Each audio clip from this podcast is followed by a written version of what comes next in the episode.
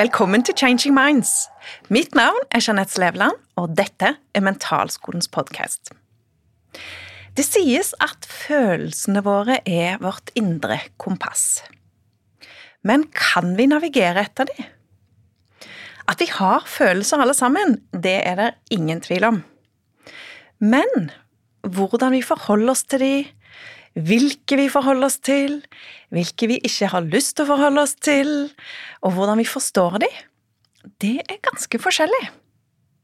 Så i dag skal vi dykke inn i følelsenes fysiologi, og hvordan vi kan forstå og forholde oss til følelsene. Med meg i studio har jeg Jørund Anker Skurdal, coach og mye annet. Og med òg en fascinasjon og interesse innenfor dette, akkurat dette temaet. Så du har fordypet deg i det, mm -hmm. og vi har hatt gode samtaler om dette temaet tidligere. Mm -hmm. Og det er en av grunnene til at du er her i dag, i tillegg til at jeg liker deg skikkelig godt. da. Oi, det ga meg en god, varm følelse. for, for ja. første spørsmålet mitt ja. var jo nettopp hva er det du kjenner på av følelser nå? Oi. Ja. Nei, det er jo Det er mange. Um, jeg kjenner på en spenning. Jeg kjenner litt nervøsitet. Jeg kjenner på interesse. Altså, dette er spennende, det vi skal gjennom nå. Jeg kan ta fram andre følelser også. Jeg, det er veldig godt å se deg igjen, og dere igjen. Jeg, jeg kjenner jo på kjærlighet i rommet her. Eh, så, så det er mye med det. Også, også, spenning, litt nervøsitet. Eh, alt i en sånn sommerfuglfølelse i magen, da. Ja. Mm, mm.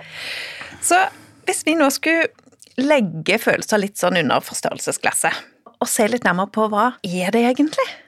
Hva, hva tenker du da? Altså, hvor, hvor, begynner man? Ja, et så stort spørsmål. Det, det, her er jo et kjempestort spørsmål. Du kan jo liksom gå løs på det på alle mulige måter. Um, du kan beskrive det som Alle vet hva følelser er, på sett og vis. Og en måte å beskrive det på er jo sånn uh, hva slags musikk hører du i hodet akkurat nå? Hva slags stemning er det i hodet akkurat nå? Og veldig ofte så er det jo eller for noen av oss er det jo sånn en litt stille melodi som går sånn i bakgrunnen, og så plutselig så er vi på konsert. Plutselig melder det seg en sånn sterk følelse. Enten har vi oppsøkt konserten, vi ønsker den sterke følelsen og kjøper billett til det, eller så har den bare kommet som et eh, irritasjon eller et eller annet som bare vekkes i oss, på en måte. Så det er den derre fornemmelsen, følelsesmessige kvaliteten, da. Og så er det jo gjerne også kobla til noen tanker.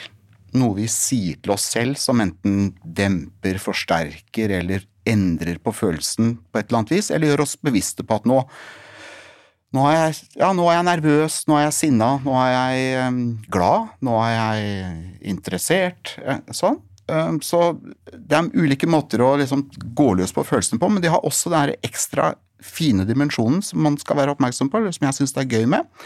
Og det er hvilket handlingssignal de gir. Altså, den forteller oss noe og gir oss en impuls til å enten søke mot noe eller unngå noe. Mm. I sånn det store og det hele. Mm. Så det gir oss et viktig signal om hva som er viktig for oss, om vi trives i situasjonen, og om vi Ja, hva som er viktig for oss. Ja. ja. For uten følelser så hadde vi jo ikke hatt noen grunn til å stå opp om morgenen i det hele tatt.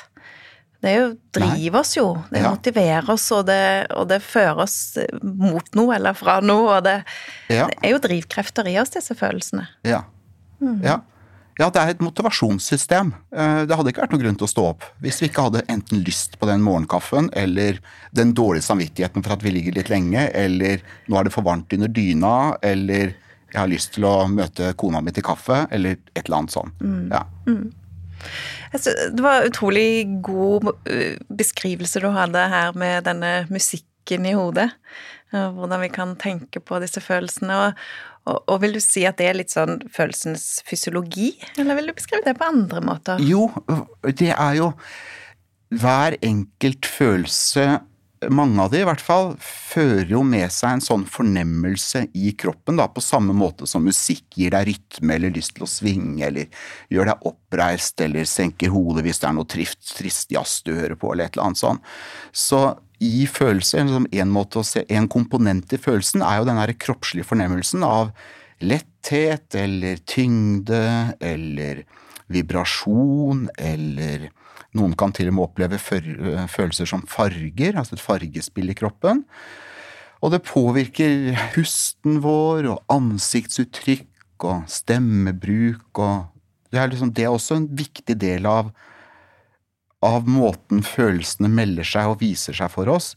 I tillegg til at vi kan bruke kroppen vår til å søke inn og finne ut hva er det jeg egentlig føler nå. Hva er dette for noe? Når vi stopper opp og ønsker å undersøke en følelse litt nærmere, da. Og det er jo ikke nødvendigvis alltid like enkelt. Det å forstå og tolke den beskjeden som følelsen prøver å gi oss? Nei, og det var, og det var egentlig det derre musikkeksempelet mitt som jeg kom på i bilen på vei inn, inn hit, faktisk. At, at, eh, at, noen har Noen kan ha, den, ha følelser som en sånn mild bakgrunnsstøy som en musak, og er liksom ikke på konsert så ofte. Eller eh, får ikke plutselig en trommesolo i hodet. på en måte, Det er litt sånn, sånn mildt. Um, der er vi forskjellige, eh, både i temperament, hva vi er født som, hvor, hvor viktig følelsene er for oss, uh, hvor mye signaler de gir, hvor lett vi kan lytte inn på dem. Der er vi forskjellige. Noen har store følelsesmessige, er følelsesmennesker, ikke sant, og andre har mer avdempede følelser. Og det har jo mange ulike årsaker. Mm. Og i en tidligere samtale vi hadde om følelser, så var vi litt inn på dette med hvordan vi lærer å forholde oss til følelsene. Eksempel med hvilke følelser som er som er lov å kjenne på i en familie, eller som er akseptert, og hvilke som eh, ikke er like velkomne. Mm. Eh, og at det skaper igjen noen mønstre som, som, kan gå i generasjoner. Mm. Om ikke vi er oppmerksom på det og, og skjønner hva som skjer. Mm. Mm. Og det jobber jo du med, å hjelpe kundene dine å avdekke, og, og jeg også. Um, og det er noen grunnfølelser vi er født med som ligger i kroppen vår fra, fra starten av. Som er de, det vi kaller primærfølelser. da, Som er sånn veldig klare fysiologiske tegn, og som har med overlevelse og Allerede Darwin studerte de tingene her. Um, rundt artenes opprinnelse osv. Og, så og så vokser vi opp i en sammenheng, da, og med gjerne en mor og en far og til og med søsken og omgivelser rundt oss, som har sine erfaringer om hvordan følelser enten er til nytte for oss eller farlig for oss, og helt ubevisst så gir de, gir de en føring på hva det er ok å føle på og ikke føle på når vi vokser opp.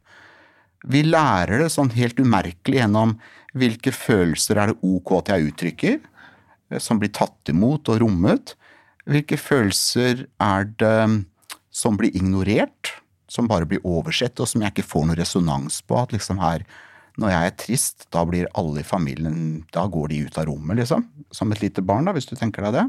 Mm. Og så er det noen følelser som ikke kan rommes, men som vekkes aggresjon eller sånn avfeining. Nei, sånn kan du ikke føle. Nei, det må du slutte med. Nei, det der er ikke noe fornuftig. Nei, slutt. Sånn, sånn. Og litt ganske så umerkelig så er det her med på, på, på en måte forme oss eh, til hva vi tåler og hva vi kan uttrykke. Og så er det en større jobb når vi vokser opp, da, blir bevisst på det her. At eh, ok, jeg blir kanskje litt innsnevret, men nå har jeg lyst til å utforske mer av det følelsesmessige terrenget som er tilgjengelig for meg, da. Mm. Ja, hvis det nå er tilgjengelig. For det er noe jeg opplever av og til med de som kommer inn eh, hos oss at, at de kanskje nesten har skrudd av følelsene sine. De forholder seg ikke til dem. De tenker logisk og, og er liksom Nei, følelse, driver ikke med sånn føleri og Ja, har kanskje fått, uh, fått en idé òg, da, eller en, en tanke om at følelser er noe negativt. Altså det er noe sånn dramagreier, og det, det er bare tull å ta hensyn til. Ta deg sammen. Hva gjør du da, får jeg lyst til å spørre om. Hvordan hjelper du å åpne det terrenget der? For det er jo det er jo Det er noe som mange som kommer til en coach, føler veldig stor verdi i. At de kan komme med en sånn Sånn er det bare. Sånn er, sånn, disse følelsene er lov, disse følelsene er ikke lov. Sånn er det bare. Og med hjelp av eh, gode, åpnende spørsmål og en god samtale, så, og i en trygg setting, så er det jo fint å utforske litt av de tingene man ikke har hatt lov til å føle på. Fordi hvis man ikke har følt på det, så får du heller ikke noe kunnskap, og det, det forstyrrer signalsystemet litt, da. Ja. Mm. Uh, hvis jeg skal være person, personlig, en følelse som ikke har vært ok liksom, i min oppvekst og sånn, det er sinne. Det er å uttrykke sånn alt fra mild irritasjon til uh, ganske Ja. Og, og, på den måten så har det kanskje ført til at da blir det litt, for meg, da blir det litt uh, vanskeligere å sette grenser, reagere adekvat og der og da når noen kommer Når noen truer det jeg, som er viktig for meg. Mm. Mm. Mm. Ja, det tror jeg er ganske vanlig eh, ute i mange hjem. At det de, de, som klassifiseres som negative følelsene, og som kanskje er nettopp altså sinne, eh, frustrasjon, misfornøydhet Ja, kanskje òg det, det som mange klassifiserer som litt sånn svakhet. Eh, det å være sårbar, mm -hmm. lei seg. Mm -hmm. Den type følelser. At det, mm, at det kan være vanskelig. å og jeg tenker òg for min egen del, jeg, jeg har nok en ganske lav toleransegrense for en del av de følelsene selv. Altså mm. det er dårlig stemning, det liker jeg jo ikke noe særlig. Mm. Så jeg ganske, kan, ganske, kan, kan, bli ganske kreativ for å få opp stemningen hvis jeg syns det er dårlig, mm -hmm, dårlig stemning noe sted. -hmm, -hmm, Så det er vel noe jeg har med meg. Eh. Men da, har du kanskje, da er vi kanskje, kanskje ganske like på det at vi er sensitive for stemninger i et rom, da. Eh, jeg kan av og til føle at jeg kommer inn der det har vært avholdt et møte, og så bare sånn nesten uten å tenke meg om, så kan jeg si noe om hva som har utspilt seg i det rommet der. Ja. Altså, er det, er det vennlighet her? Er det fiendskap? Er det Det kan være fantasi noen ganger, men, men, ganske ofte så er det rett, da. Og det er um, Du studerer jo nevropsykologi, og det er jo en ting er persepsjon, men det andre er nevrosepsjon. At det er nærmest som om kroppen vår fanger opp en stemning uten at det går igjennom sånn hode-tenke-kategorier. Mm. Og så reagerer vi ut ifra det. Mm. Mm. Og det er så rart hvor forskjellige vi kan være. Hvorav ja, sånne som eh, du og meg da, kanskje kan komme inn i et rom og så bare oh, kjenne på hele oss at eh, å, oh, her må jeg være litt på vakt, og her, eller her må jeg eh, liksom virkelig tilpasse meg. Mens mm. andre kan komme inn og bare være helt Uh, altså Null antenner på ja, det. Fikk ikke med meg det. Nei. Hæ? Var de uvenner? Nei, ja. det, nei tror du det? Ja. ja. Så, så, disse følelsene, da. Eh, Hvorfor har vi de? Jeg tenker at de her første primærfølelsene de har vært viktige for overlevelsen vår. Det å kunne føle på redsel, og det å kunne føle på avsky, og det å kunne føle på sinne, det har vært viktige signaler oss mennesker imellom. Eh, det er rett og slett bygd inn i sinnet vårt og i kroppen vår, de, de viktigste følelsene her. Og ta en følelse som avsky, da, som er liksom Det er jo ikke en akseptert følelse i samfunnet. Eh, den sosiale utgaven er mer forakt, da, når vi forakter noen eller noe som gjør et eller annet, ikke sant. Men følelsen avsky, den herre følelsen som gjør at når du lukter på lukter for å sjekke om melka er gående eller ikke. Altså, ja, ikke sant? Og da får du sånn uh, Nå viser du et sånt ordentlig Nesa di går litt opp, og du lukker munnen, og du trekker hodet tilbake. Og det er helt sånn Sånn er alle mennesker i alle kulturer. Så det er like naturlig som at vi har en høyre hånd, så har vi den følelsesmessige reaksjonen der. Og den har jo historisk sett gitt, vært viktig for oss for å unngå å få i oss beskjemt mat, råtten mat, uh, bli forgiftet på en måte. Så reaksjonen er at vi trekker munnen sammen, lukker for det. Ja. Så det, det er primærfølelsesutgaven av, av, den. Og så har du den samme som går på forakt når noen gjør noe. Da har vi kobla på mer kognisjon og mer sosiale ting. Altså, dette er ikke ok for meg. Det du gjør nå, altså sånne ting som vi instinktivt reagerer på, overgrep mot barn, stygg vold, voldtekt, altså sånne ting som øh, ikke sant? Mm. Det har vi. Så, så, så, det gir oss et viktig signal om hva som er, som er, viktig for oss, og hvor grensene våre går, og hva som er ønsket og uønsket uh, atferd. Viktigere enn bare sur melk, på en måte. Ja. Og du, du, var inne på primærfølelser. Det er jo mange ulike teorier i ulike greiner av psykologien som opererer med ulikt antall primærfølelser. Noen sier fem, noen sier seks, noen sier ti. Og, og, at det er de som er de kanskje reneste i sin form. Glede går inn i kategorien der, så det er ikke bare, bare de som de typisk negative. Ja. Eh, overraskelse er inne i noen av disse teoriene. Ja. Og den kan jo være både positiv og negativ. Ja. Og samtidig som vi, som vi da òg har disse sekundærfølelsene, som er noe annet igjen. Mm. Hva, hva, hvordan forholder du deg til de, eller hvordan Hva, hva tenker du er den store forskjellen? Sekundærfølelsene de springer vel ut av at, vi, at de skal brukes i relasjon med andre mennesker. At eh, det fordrer at vi kan se oss selv litt utenfra, tenke gjennom hvordan andre oppfatter oss, og at det er grunnlaget for følelsen, eller hvordan vi føler i forhold til andre. Kjærlighet, eksempel. Og da kommer jo de følelsene som kanskje blir store for mange, og store i mange sammenhenger, med skyld og skam. Det fordrer jo på en måte at vi, vi, vi sitter ikke i skogen og føler på skyld. Det er i en relasjon den følelsen oppstår. Det er når vi tenker på noen vi har gjort noe mot, og vi får et behov for å be om unnskyldning eller reparere eller noe sånt. Så Ja. forskjellen på primær- og sekundærfølelser da, i den opptegnelsen Det er jo akkurat som du sier at det gjøres jo masse forskjellige ulike teoretikere mm, og psykologer bruker forskjellige kategorier, og, og, og vi lærer gjennom at det er forskjellighet i det, da.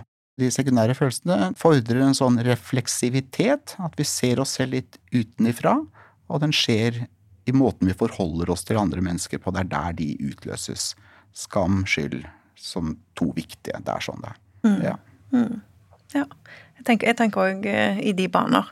At det handler om de følelsene som er ja, som kanskje er en kombinasjon av andre, og, og, og som handler om at vi ja, tenker og føler om den tanken eller følelsen som kanskje kom først, eller som ligger i bunnen der. Og så kan det bli lag på lag på lag, eh, med ulike varianter og, og i ulik styrke på, på de følelsene. Da. Så, så vet jeg òg at noen skiller mellom humør på den ene siden og følelser på den andre.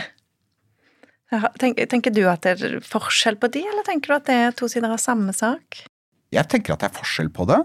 At humør er mer sånn en litt mer langvarig grunnstemning på sett og vis, da. Mens en følelse er mer umiddelbar og forbigående og knytta til en situasjon, et menneske, en kognisjon akkurat der og da. Så gjennom en dag hvor vi følte oss sånn, grunnstemningen var sånn, ja ja, det her blir en sånn dag. Så kan vi ha høydepunkter med sterk glede og sterk interesse, eller veldig plutselig ja, nå ble jeg skikkelig deppa av akkurat det som skjedde nå, liksom. En trafikkbot eller en idiot i trafikken eller et eller annet noe sånt. Så jeg tenker det er fint å skille ja, mellom det som er et sånn umiddelbart følelsesmessig uttrykk, og det som er humør, da. Eller ja, humør. Ja. Jeg leste en Det var vel i nevrovitenskap. Irena O'Brien i Canada har, en, har sagt og, og, og, delt litt om det. Og der sier hun at det er Man kan tenke på humør som en, en ja, som fire Eller en skala, da. Mm. Eh, med fire ytterpunkter. Mm. Hvor man kan være aktivert, altså påskrudd, energisk, eller altså ulike ord av det. Eller deaktivert. Altså kanskje litt mer sånn nedpå eller rolig eller dempa. Og at man kan være på, på den skalaen da, et eller annet sted. Og så i motsatt ende så har man de følelsene som man kjenner på er behagelige eller ubehagelige. Så man kan da være aktivert på en behagelig eller ubehagelig måte. Er man, er man det på en ubehagelig måte, så er man kanskje frykt eller sinne eller noen av de følelsene. Mm. Og hvis man er det på en på en positiv måte, så er det en energisk, eh, motivert, eh, den type. Og så har man da deaktivert, som kan være negativt, som jeg er nedstemt, jeg er lei meg, eller trist. Eh, eller jeg kan være rolig, til stede. Ja. Og så kan man jo være nøytral, som gjerne er et sted i midten av disse her, da. Og at vi kanskje har ja, som du sa, at det kanskje er litt mer sånn jevnt. At vi kan kanskje kjenne oss igjen i at vi sånn typisk meg er å være her eller der. Mm, mm. Og så sier hun òg at dette er knytta til kroppsbalansen vår, altså om, om, vi er i balanse i kroppen med alt fra søvn og mat og trening og liksom rett og slett sånn hvor, hvor, hvor eh, Hvordan er barometeret? In, vårt indre barometer på hvordan kroppen har det. Mm.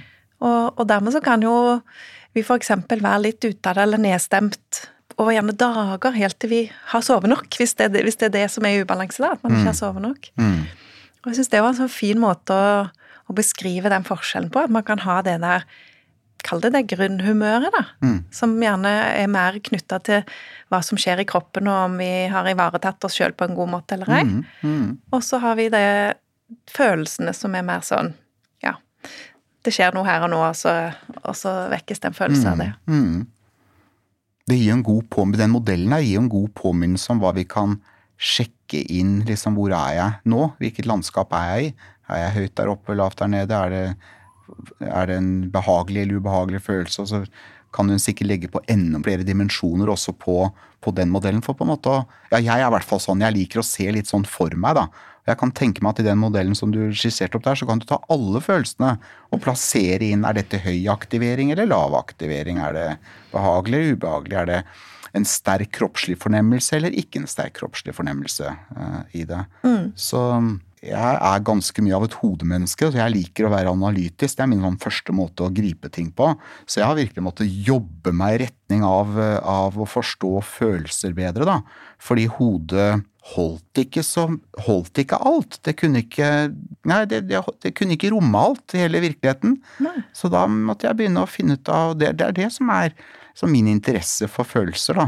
Eh, Selv om i alle coachingsamtaler så fortelles det gjerne en historie om noe som er rettferdig, urettferdig, noe som er sterkt, ikke sterkt, noe ønske om mestring. Altså, det fortelles en historie. Men i den historien så ligger det masse drivere, masse sånn følelser som 'dette ønsker jeg meg mer av', eller 'dette er ubehagelig, dette vil jeg vekk fra'.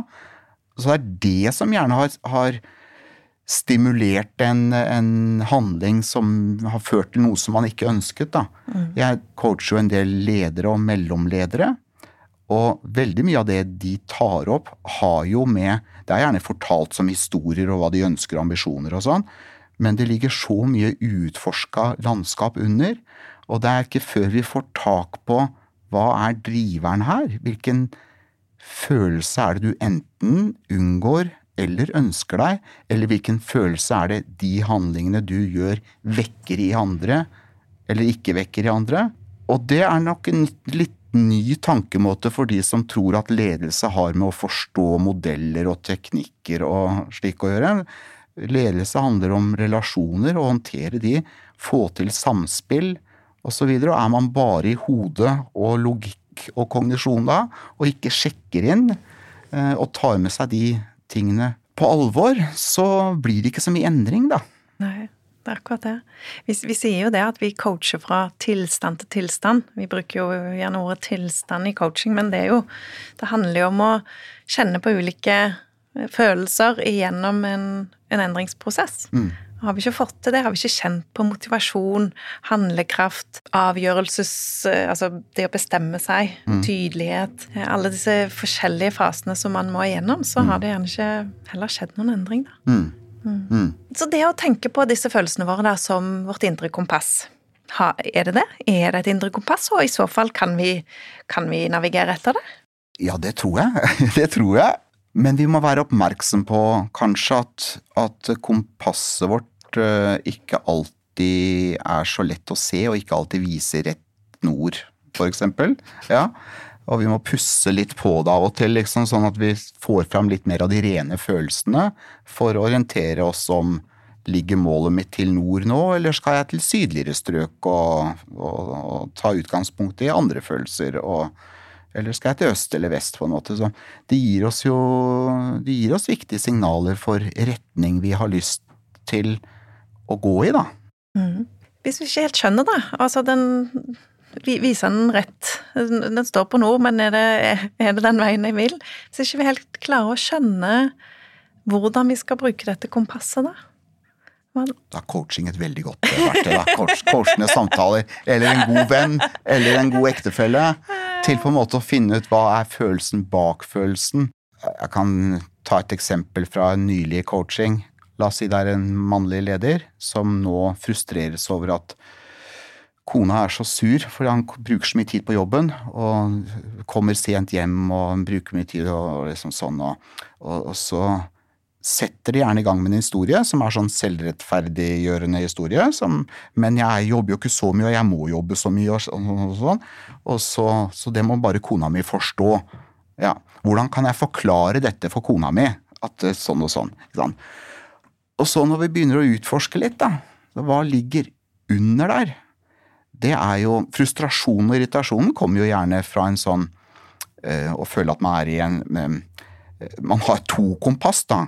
Kona har ett kompass, og sjefen din på jobben eller teamet ditt som du leder har annen, et annet kompass. Og begge forventer at du skal gå i den retning, være mer hjemme, yte mer på jobben. Da, ved å anerkjenne det at her står jeg faktisk i en litt sånn skvis, og det jeg har lyst til er jo å tilfredsstille begge, men jeg må finne en løsning her. Og noe av det gjelder ikke å forklare kona at jeg må jobbe så mye, men det gjelder kanskje å anerkjenne de, det savnet og de følelsene hun øh, opplever og, og, kjenner på akkurat der og da. Så tilbake til kompassmetaforen. Øh, vite litt om hvilken retning vi ønsker å gå i, og hvilke følelser som kan bringe oss på avveie. Hvilke følelser som kan dytte oss bort ifra det vi egentlig ønsker oss i livet, og det vi, det vi bør gjøre i livet. Mm. For, for det, det, der tenker vi er inne på noe som mange nok kan lære noe av. For det kan være litt sånn forvirrende òg, tror jeg. jeg. Jeg har vært i en relasjon som hvorav det å vise frykt eller sårbarhet eller usikkerhet, det var vanskelig. Så det tror jeg nok ikke har vært eh, rom for i den familien. Mm. Så reaksjonen på alt var sinne. Hvis noen slår seg, blir sint, du burde ta, passe bedre på. Mm. Hvis jeg blir usikker, reagerer med angrep, sinne. Mm. Mm. Og det var altså, i de fleste situasjoner. Det tok lang tid før jeg skjønte at altså, Skjønte hva, hva, hva skjer her. Mm. Sinne er jo Altså, alle følelser er jo altså, har, en, har et viktig budskap. Mm. Så, så ingen følelser er jo feil. Men noen ganger så kan følelsen komme til uttrykk feil. Altså, I disse situasjonene så var jo sinne bare eh, et skall for å ikke vise den følelsen som, som egentlig lå under der. Mm. Mm. Og det å, å gjennomskue det, mm. og, og, kunne ta den samtalen, og være villig til å ta den samtalen og finne ut hva var det som gjorde at jeg nå ble sint. Det, en, en, mer naturlig reaksjon ville kanskje være å være redd. Så hva, hva skjedde med meg nå? Mm. Den tror jeg kan være um, nyttig. Mm. Å våge seg på. Mm. Og så nevnte du sårbarhet, og det er jo ofte derfor vi vi, vi, vi syns det er vanskelig å både gi uttrykk for hvilke følelser vi føler på, fordi de forbundet, kan forbundes med skam, eller at vi tror f.eks. rundt dette med sinne, da. Uregulerte følelser er jo både at du reagerer for sint og blir sint på alt og alle rundt deg hele tiden, eller at du undertrykker det. Så det er en viktig jobb å gjøre den her følelsesreguleringen og se hva som ligger under. Og du sa bak sinne så kanskje det lå type redsel, da. Og det er en sammenheng som er ganske vanlig, men vi er mye mer redd for å føle på redsel enn vi er for å kunne ta ut sinne og føle oss sint. Det er mer hvorfor, er, hvorfor er vi det, egentlig? Er ikke det litt rart? Det ligger mye kraft i sinnet det ligger mye sånn sentrering og, og liksom kjenne på sinne, så det blir, det er ikke noen situasjon jeg blir så veltalende i, syns jeg selv, som når jeg er sint. Nice. Det kan hende at det bare er en egen uh, oppfatning, men jeg, jeg, jeg, la merke til det. Det er ganske mange år siden. Så var det en parkeringsvakt som kom bort. og 'Du kan ikke parkere sånn og sånn og sånn.' Og jeg var stressa, og jeg var liksom sånn. Um, hadde det travelt, og jeg hadde parkert så godt jeg kunne. Stor, umerka parkeringsplass, men det kom da en en parkeringsvakt og kjefta meg opp, da. Og da, i et brøkdel av et øyeblikk, så var det sånn Min naturlige tendens er sånn Ja, nei, men jeg skal altså, glatte over, jeg skal finne en annen plass, beklager, det er sikkert litt dumt at jeg parkerte her, liksom sånn. Men akkurat der og da så hadde jeg ikke den inne. Jeg hadde ikke det tilgjengelig. Så jeg kjefta han opp etter noter om hvordan han gjorde jobben sin, burde gjøre jobben sin, at det her var aldeles helt uprofesjonelt og i det hele tatt uh, Og i det der, altså hvorfor, hvorfor gikk jeg i sinne og uttrykte sinne da? det ble ikke noe håndgemeng ut av det. det ble ikke noe liksom sånn. Han fikk bakoversveis, og jeg tror ikke han nærmer seg en annen parkeringskunde på den måten som han gjorde for meg uh, igjen. Uh, og det ga en sånn mektig Ja, ja faktisk litt. Men, uh, men, hvis jeg kan ha Han var helt uh, rabiat når han kom bort til meg, så hvis jeg kan ha beskyttet noen senere parkerende, gitt han et, et, lite signal om at ikke behandle kundene sånn, rettledd og gi beskjed om at du kan ikke parkere her, men ikke kom bort og kjefte og holde på på den måten der. Ja.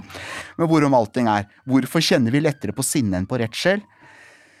Sinne gir tilgang til kraft du kjenner det i, i, armene, du blir veldig fokusert og konsentrert, og du føler deg egentlig litt sånn mer mektig, tror jeg, når du uttrykker sinne. Da blir ting veldig oversiktlig.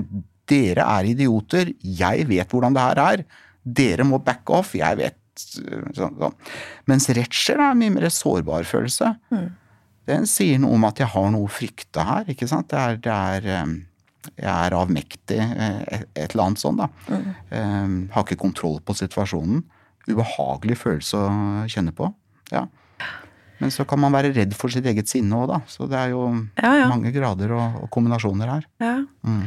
ja og jeg, jeg, tror nok for min del at jeg kanskje heller bruker humor og latter som strategi for å mm -hmm. mestre usikkerhet og, mm -hmm. og det sårbare enn en sinne. Ja. Um, jeg kunne jo ønsket en, at jeg hadde en parkeringsvits tilgjengelig for overfor han parkeringsvakten her, men det hadde jeg ikke. Det var ikke, var ikke, hadde jeg ikke tilgjengelig da, for å si det sånn. Ja. Nei, ikke sant. Ja, altså, ja. Og så er det kanskje noe med graden av det, for, mm. for, blir man så sint at det går i svart, så tror jeg heller ikke man er så kanskje verken veltalende eller eh, ser bildet så tydelig heller. Mm. At da vipper det kanskje over eh, til at man blir eh, ja. ja. For det er jo Når sånn sinne eller raseri slipper fram, da Det, er, det er jo ikke det var, ikke et, det var, jo ikke et eksempel jeg trekker fram fordi jeg syns det er en, en løsning jeg vil anbefale, på en måte. Men det, var, men det var allikevel noe som satte meg i kontakt med noe som var viktig for meg. da. Mm. Det, eller ga meg en egenforståelse av hvor, hvorfor og hvordan jeg reagerer. Men det er jo ikke et godt uttrykk. Så, så ferdighet i å håndtere følelser går, går, jo mer på å kunne sette ting litt på pause akkurat der og da. Vi har et godt uttrykk for det. Tell til ti, liksom. Ja.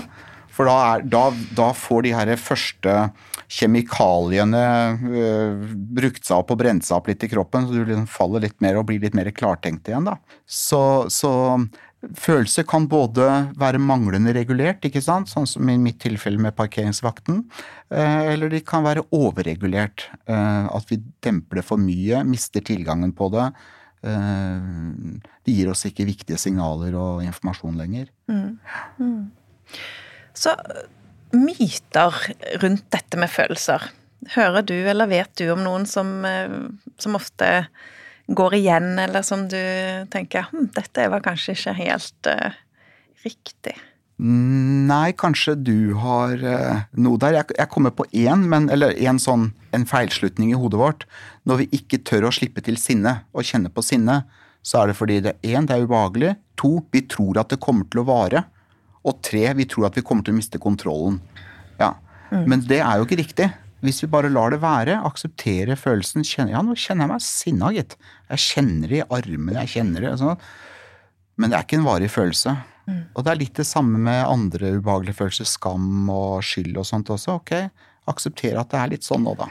Ja, Det å begynne å gråte, eksempel. Ja. Det er jo mange som tror at ja, men da, da åpner jo Pandoras eske. En kommer aldri til å klare å slutte igjen. Ja. Så derfor så må jeg bare dempe det og holde det inne. Ja. Så den tenkte jeg òg var en av de. Og, og, den andre er jo den der med at vi alltid må lytte og agere på følelsene våre. Fordi ja, de er viktige beskjeder. Altså det er en beskjed fra meg til meg, og det å lytte etter den og være nysgjerrig på hm, hva er beskjeden her? Hva er det denne følelsen vil si meg? Uten å tenke på det som kommando til, til handling, til atferd. Mm. For det er jo ikke sånn at hvis jeg blir sint, så forteller følelsen meg at jeg skal slå. Den gir meg beskjed om at nå er, det, nå er det noen verdier eller noe i deg som blir trua, mm. som du må altså, Som du skal sette en grense for. Mm. Men det er mange måter å gjøre det på. Så det å klare å skille òg beskjeden, men, den, men den den beskjeden gir meg egentlig en, en, et hav av valgmuligheter. Og så gjelder det å finne den muligheten, da, som jeg eh, ja, kan stå inne for, og som jeg eh, vil ha. Ja. Så vi må ikke agere på følelser. Og det er jo en evig øvelse, det. Ja. Eh, og spesielt for oss som har barn, så er det jo eh, plenty med muligheter til å bli såkalt reaktiv, altså nærmest ikke ense hvilke emosjoner du er innom, du bare går i irritasjon eller et eller annet uh, uhensiktsmessig, og så kan du komme til å si ting, da, som er sårende, og som er uh, Det er jo en grunn til at vi holder det tilbake også og demper det. Vi er, det er jo, det er jo ikke, vi er ikke dumme. Vi må bare bruke klokskapen på litt rett måte. Så hvis vi gjentatte ganger har opplevd at når jeg blir irritert eller sinna på ungene, så sier jeg ting som kan være skadelige og sårende og liksom sånn, så er det jo ekstra viktig at vi går tilbake, tar et steg tilbake og blir litt bevisst på det du sier om at selv om det ligger en handlingsimpuls der, så er vi ikke nødt til å handle på, på følelsen. Mm. Gi det litt tid. Vi, er, vi, må ikke handle på alle følelser. Nei. Nei. Nei og det å skjønne òg at det ofte andre trenger av oss, er å bli møtt på følelsen. De vil gjerne ikke ha løsning, eller at du skal fikse noe, eller at du skal være forelderen og være For det er jo det gjerne impulsen vår er, at oi, her, sant, jeg skal jo både lære de noe av dette, og jeg skal ditt og jeg skal datt, og så har vi våre egne følelser å ta ja. hensyn til, og, ja. og nå tråkker du på meg, og ja. Det blir så utrolig mye som skjer på en gang. Men det å huske at ok, det den andre trenger av meg nå, er kanskje bare å bli født på den følelsen. Altså bli møtt på den følelsen. Få litt aksept for at den er ok, at jeg skjønner at du føler det sånn, og, og, og når du først gjør det, så åpner det opp ofte for en god samtale, og for det som ligger bakenfor. Ja. Som kanskje ikke har noe med det utbruddet eller hva det var som skjedde, å gjøre i det hele tatt. Mm. Mm. Word. Jørund, dette har vært eh, en spennende samtale, en fin samtale. Mm. Eh, tusen takk for at du ville komme og være gjest i studio med oss. Takk for at jeg fikk komme. Så for de som lytter på oss, hvis de har lyst til å få tak i deg, hvordan gjør de det? De finner meg i telefonkatalogen, holdt jeg på å si. ja. De tar kontakt med meg ja. som din agent? Ja, ja. det kan de gjøre. Anker Coaching heter den virksomheten som jeg coacher fra, da. Så, men gjerne gjennom deg. Ja. Mm. Mm. Igjen hjertelig takk. Eh, og så helt til slutt, da. Gullet du tar med deg ut fra denne samtalen. Viktigste eller eh, Nei, det, det siste som du sier nå, i forhold til at alle følelser må man ikke agere på. Eh, noen ganger er den beste handlingen å bare avvente. Og det å romme, å romme andres følelser, gi det plass, sånn at du gir dem tillatelse eller mulighet for å gjennomleve, gjennomleve, sin første reaksjon og modnes ut i noe annet. Mm. Når det gjelder barn og ektefeller og venner. Ja. Mm. Og jeg tar med meg følelser som musikken du har i hodet. Den var nydelig. Hmm. Mm. Hjertelig takk til deg, takk. og hjertelig takk til deg som har lytta på oss. Du finner oss på de fleste sosiale mediekanaler. YouTube, Facebook, Instagram, TikTok. Takk for i dag.